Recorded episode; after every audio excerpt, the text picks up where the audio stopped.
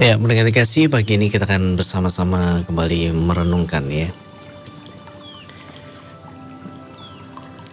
Di renungan pagi ini, ya ini ada hubungannya dengan terang ya kan. Takut pada terang, tapi saya memberikan tema berpasangan dengan terang ya kan. Mendengar kasih kenapa orang takut pada terang ya? Terang di sini adalah terang kebenaran ya. terang kebenaran. Jadi orang kadangkala takut dengan kebenaran ketika mendapati bahwa dirinya hidup dalam ketidakbenaran. Nah perhatikan sih banyak hal yang terjadi dalam kehidupan ini ya. Ada anak kecil yang takut pada gelap ya tetapi ada orang dewasa yang takut pada terang. Hmm.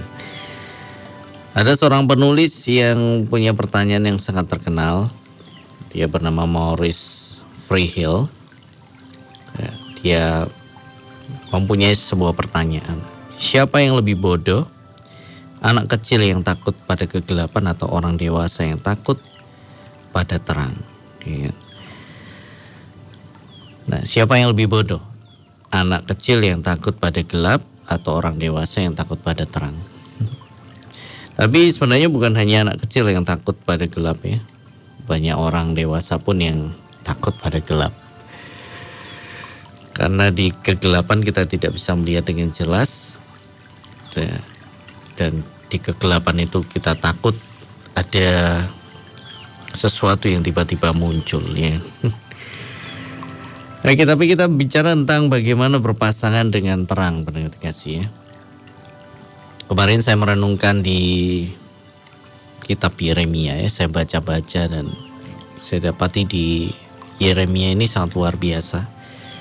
Yeremia pasal yang kedua, ayat yang kedua, ya. Yeremia pasal yang kedua, ayat yang kedua di sini dituliskan, pergilah memberitahukan kepada penduduk Yerusalem dengan mengatakan beginilah firman Tuhan.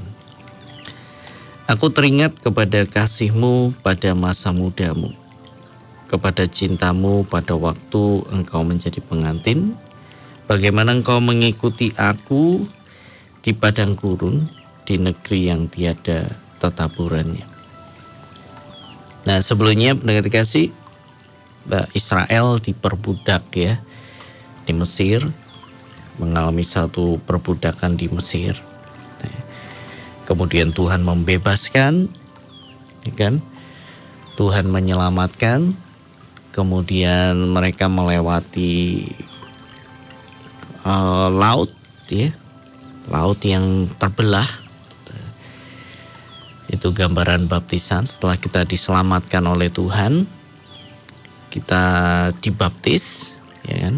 Jadi peristiwa bagaimana uh, bangsa Israel dilepas dari perbudakan, ya mereka tidak bisa melepaskan dirinya sendiri, ya dengan berbagai macam cara, ya. Tapi di situlah Tuhan akhirnya turun, ya dan menyelamatkan bangsa Israel dengan kuasanya yang besar. Ya. Untuk bisa membebaskan tentu harus ada seorang yang lebih, jauh lebih berkuasa daripada orang yang menawan, ya. orang yang orang yang menguasai, ya. dan itu adalah Tuhan sendiri yang dengan tangannya yang teracung ya membebaskan bangsa ini. Itu bicara tentang keselamatan berarti kasih bagaimana kita diselamatkan ya. Kemudian setelah kita diselamatkan kita uh, melewati sebuah baptisan ya kan? lewat laut yang terbelah itu gambaran dari sebuah baptisan dan setelah dibaptis kasih ya kita akhirnya akhirnya kita berjalan bersama dengan Tuhan berpasangan dengan Tuhan di mana di padang gurun ya kan? Di situlah dimulai satu perjalanan setelah dibaptis kita uh, berjalan bersama dengan Tuhan. berpasangan dengan Tuhan. Ya kan? Bahkan di Yeremia pasal 2 ayat yang kedua, uh, di sini Tuhan berkata di terjemahan yang lain. Aku masih mengingat ya uh, bagaimana sebagai seorang pengantin kau mencintaiku dan mengikutiku melalui padang gurun. Ya. Luar biasa. Jadi bagaimana engkau sebagai pengantin mencintaiku? Nah, mencintaiku dan mengikutiku nah, melewati padang gurun. Nah, jadi berpasangan dengan Tuhan, kasih uh, mencintai Dia seperti seorang pengantin. Ini gambaran sebuah uh, keintiman hubungan kita dengan Tuhan, ya kan? sebegitu dekatnya cintanya itu seperti suami dan istri. Dan pendengar kasih dan waktu berpasangan dengan Tuhan ya kan kita sebenarnya diberikan sebuah kuk sebuah kuk. Uh, kalau ada dua ekor sapi yang membajak kalau mau bersama-sama ya harus dipasang kuk gitu. Ya. Supaya berjalannya beriringan. Berjalannya beriringan. Beringat kasih nah dalam Yeremia pasal yang kedua ayat yang ke-20 di sini dituliskan sebab dari dahulu kala engkau telah mematahkan kukmu telah memutuskan tali pengikatmu dan berkata aku tidak mau lagi diperbudak nah kalau kita lihat di terjemahan yang lain, ya lama ya kau sudah mematahkan kukmu, ya dan berkata aku tidak mau melayani engkau lagi. Nah, kasih di sini kita bisa melihat bahwa waktu kita berpasangan dengan Tuhan, ya itu ada sebuah kuk yang dipasang. Nah, pikulah kuk yang kupasang. Jadi ada sebuah kuk yang membuat kita ini terus berjalan beriringan dengan Tuhan, berarti kasih. Tapi ada kalanya berarti kasih. Ada kalanya, ya kan? Ketika kita mulai tidak mau lagi berpasangan dengan uh, terang ya karena kita mulai ingin hidup menurut kemauan kita sendiri. Kita bisa seperti bangsa Israel yang mematahkan kuk itu. Kenapa? Karena kita mau bebas. Kita mau hidup tanpa perjanjian dengan Tuhan. Perjanjian untuk setia. Nah, berarti kasih. Kalau sudah dipasang kuk, mereka akan terus bersama-sama sebenarnya. Tetapi ada kalanya dalam perjalanan hidup manusia ini mulai ingin memberontak, tidak setia. Ya kan? Akhirnya mematahkan kuk karena kita tidak tahan berjalan. Karena Tuhan adalah terang benar kasih. Kalau kita mau terus berjalan bersama dengan dia, berpasangan dengan dia, kita harus juga hidup di dalam terang. Sama seperti dia adalah terang. Nah, kalau kita tidak hidup sama seperti dia, kita akan menderita kasih ya. Nah itu yang sering kali terjadi. Mematahkan kuk ini sama dengan kehidupan pernikahan pendengar kasih. Di mana ketika seorang mulai uh, berhenti ya. Jadi ketika salah satu ingin berhenti yang suami ingin berhenti mengasihi istrinya yang istri ingin berhenti tunduk pada suaminya. Ya. Maka yang terjadi adalah ketika mereka ingin ingin berpisah, ya kan? Mereka ingin mematahkan kuk yang sudah sebenarnya terpasang uh, kepada mereka berdua. Jadi suami istri ya, ya sebenarnya terikat dalam sebuah perjanjian. Ada kuk di mana mereka berjalan bersama. ya kan? Suami mengasihi istri, istri tunduk kepada suami, mengikuti pimpinan, ya kan? Kalau berjalan dipasangi kuk pendengar terkasih ya kita tidak bisa berjalan menurut kemauan kita sendiri. Ya. Harus sehati, harus harus sehati ya, harus ada yang mengarahkan dan yang lain mengikuti. Ya. Tidak ada dua kepala ya di dalam satu kuk. Karena kalau ada dua kepala kasih ya, yang satu mau ke kiri, yang satu mau ke kanan, akhirnya tidak jalan. Yang terasa adalah sakit kasih, sakit. Anda bisa coba ya, misalkan eh, kaki Anda misalkan ini suami istri ya salah satu kakinya kaki suami saya ikat tali ya? Tali ini saya hubungkan dengan kaki istri salah satu kaki ya nah jadi salah satu kaki suami dan salah satu kaki istri saya tali ya dengan tali yang agak panjang lah ya kan nah, mereka masih bisa bebas bergerak ya kan Kemudian si suami ini ingin ke katakan ingin ke kiri. Nah, mereka ini terikat. Terus yang istri ingin ke kanan, ya kan? Ya, silakan bergerak ya. Kalau mau dipraktekkan silakan di rumah dipraktekkan. Jadi kaki suami dan kaki istri terikat dengan tali rafia lah. Tidak usah tali yang terlalu besar. Tali rafia cukup untuk menggambarkan. Silakan yang suami mau ke kiri, istri mau ke kanan. Silakan. Maka yang terasa adalah sakit ya, rasa sakit benar kasih. Rasa sakit karena ketidaksehatian itu sebenarnya justru saling menyakiti satu sama lain. Kenapa? Karena mereka mulai bergerak, yang satu tidak mau mengikuti pimpinan yang lain, tidak ada kesehatian, dan akhirnya yang terjadi adalah saling menyakiti satu sama lain. Ras, rasanya sakit, rasanya tidak enak. Ya.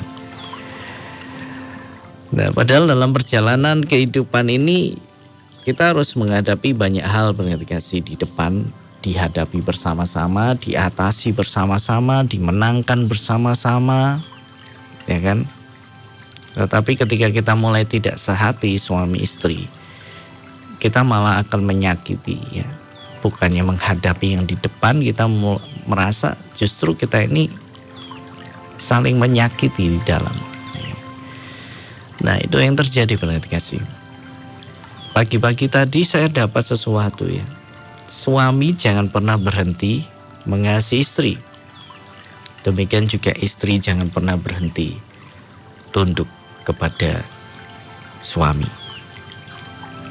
Kenapa jangan pernah berhenti berhenti kasih ya? Karena ketika kita tidak lelah melakukannya, saya percaya suatu saat akan ada perubahan. Nah, bagaimana dengan kehidupan Anda di dalam pernikahan? Saya tidak tahu. Bagaimana kehidupan Anda dengan Tuhan? Saya juga tidak tahu ya. Eh, ketika kita dipasang kuk antara suami istri pasang kuk antara kita dengan Tuhan ya kan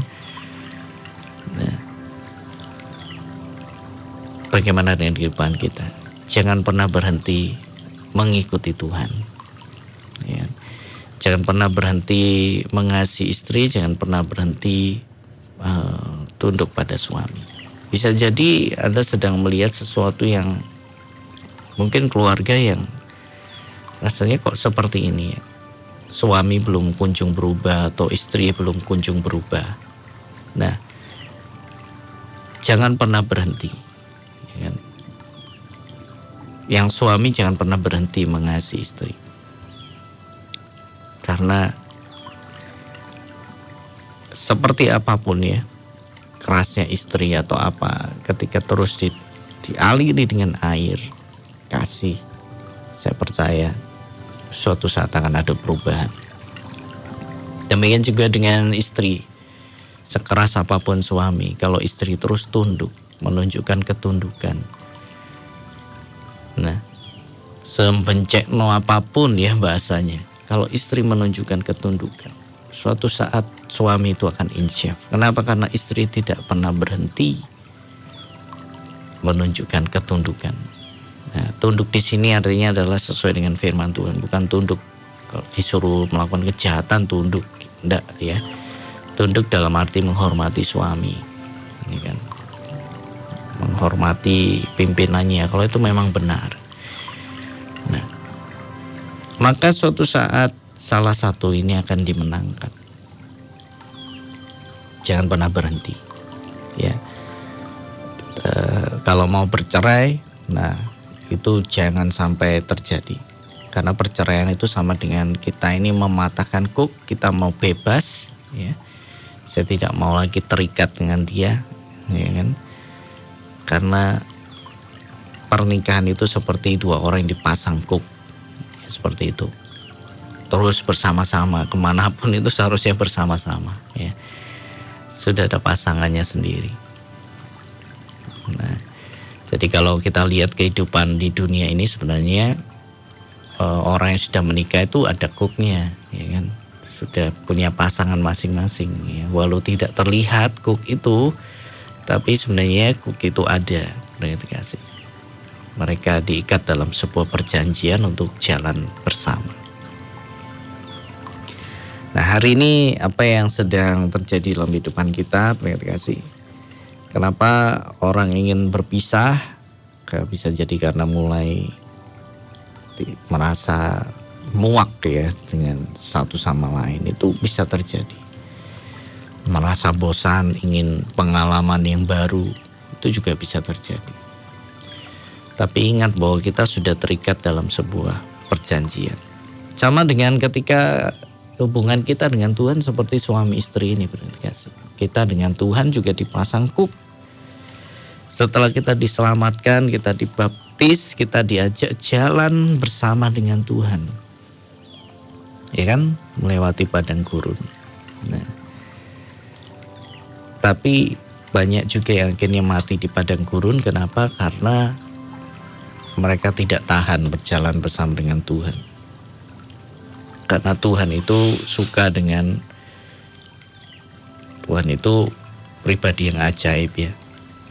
Dia sering kali membawa kita dalam uh, sesuatu yang menegangkan nih kan.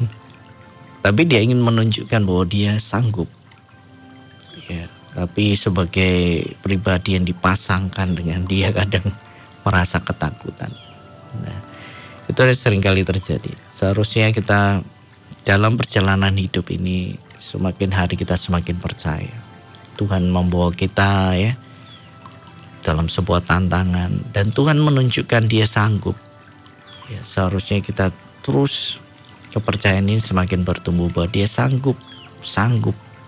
Jangan pernah mematahkan kuk perjanjian ini untuk jalan bersama dan e, mencari pertolongan kepada yang lain. Karena Tuhan sanggup apa pun masalah kita, seberat apa pun masalah, serumit apa pun masalah, Tuhan sanggup.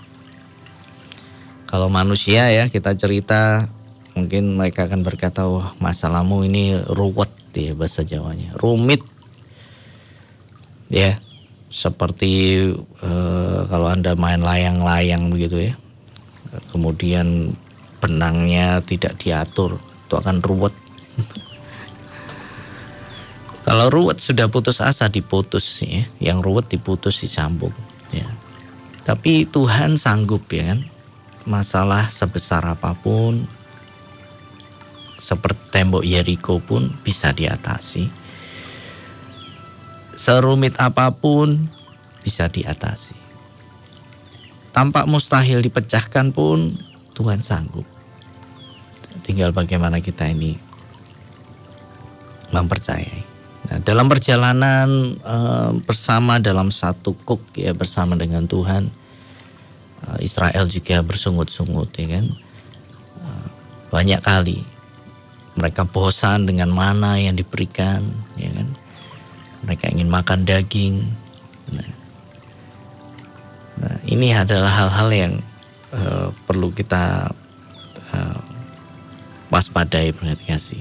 Ketika kita berada dalam satu kuk dengan Tuhan, ya banyak dari mereka ingin uh, berbuat dosa ya kan, nah tidak akan tahan berjalan dengan Tuhan.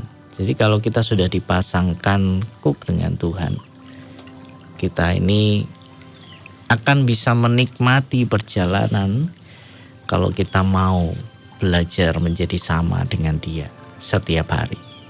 Nah kalau beda itu menderita berarti kasih ya. Maksudnya kalau Tuhan kudus kita ini masih suka hidup tidak kudus, kita akan menderita berjalan bersama dengan Tuhan. Tapi kita akan semakin menikmati kalau setiap hari kita belajar menjadi sama seperti dia.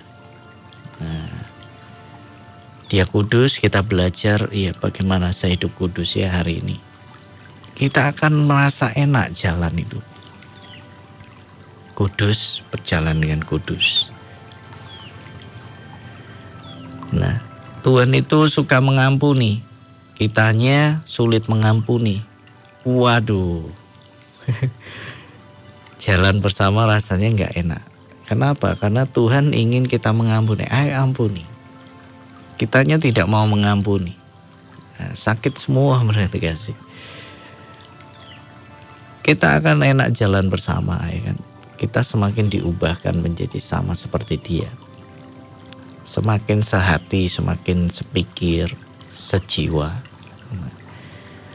Dan perjalanan itu akan menyenangkan. Berarti kasih. Jadi ada hal-hal yang harus sama disamakan ya kan. Kalau suami istri memang ada perbedaan ya kan, beda karakter. Tetapi ada sesuatu yang harus sama. Ya. Harus sama. Bisa jadi yang satu pendiam, yang satu banyak bicara. Itu bisa macam-macam model pasangan. Tetapi harus ada yang sama. Yang satu kudus, yang satu juga harus kudus.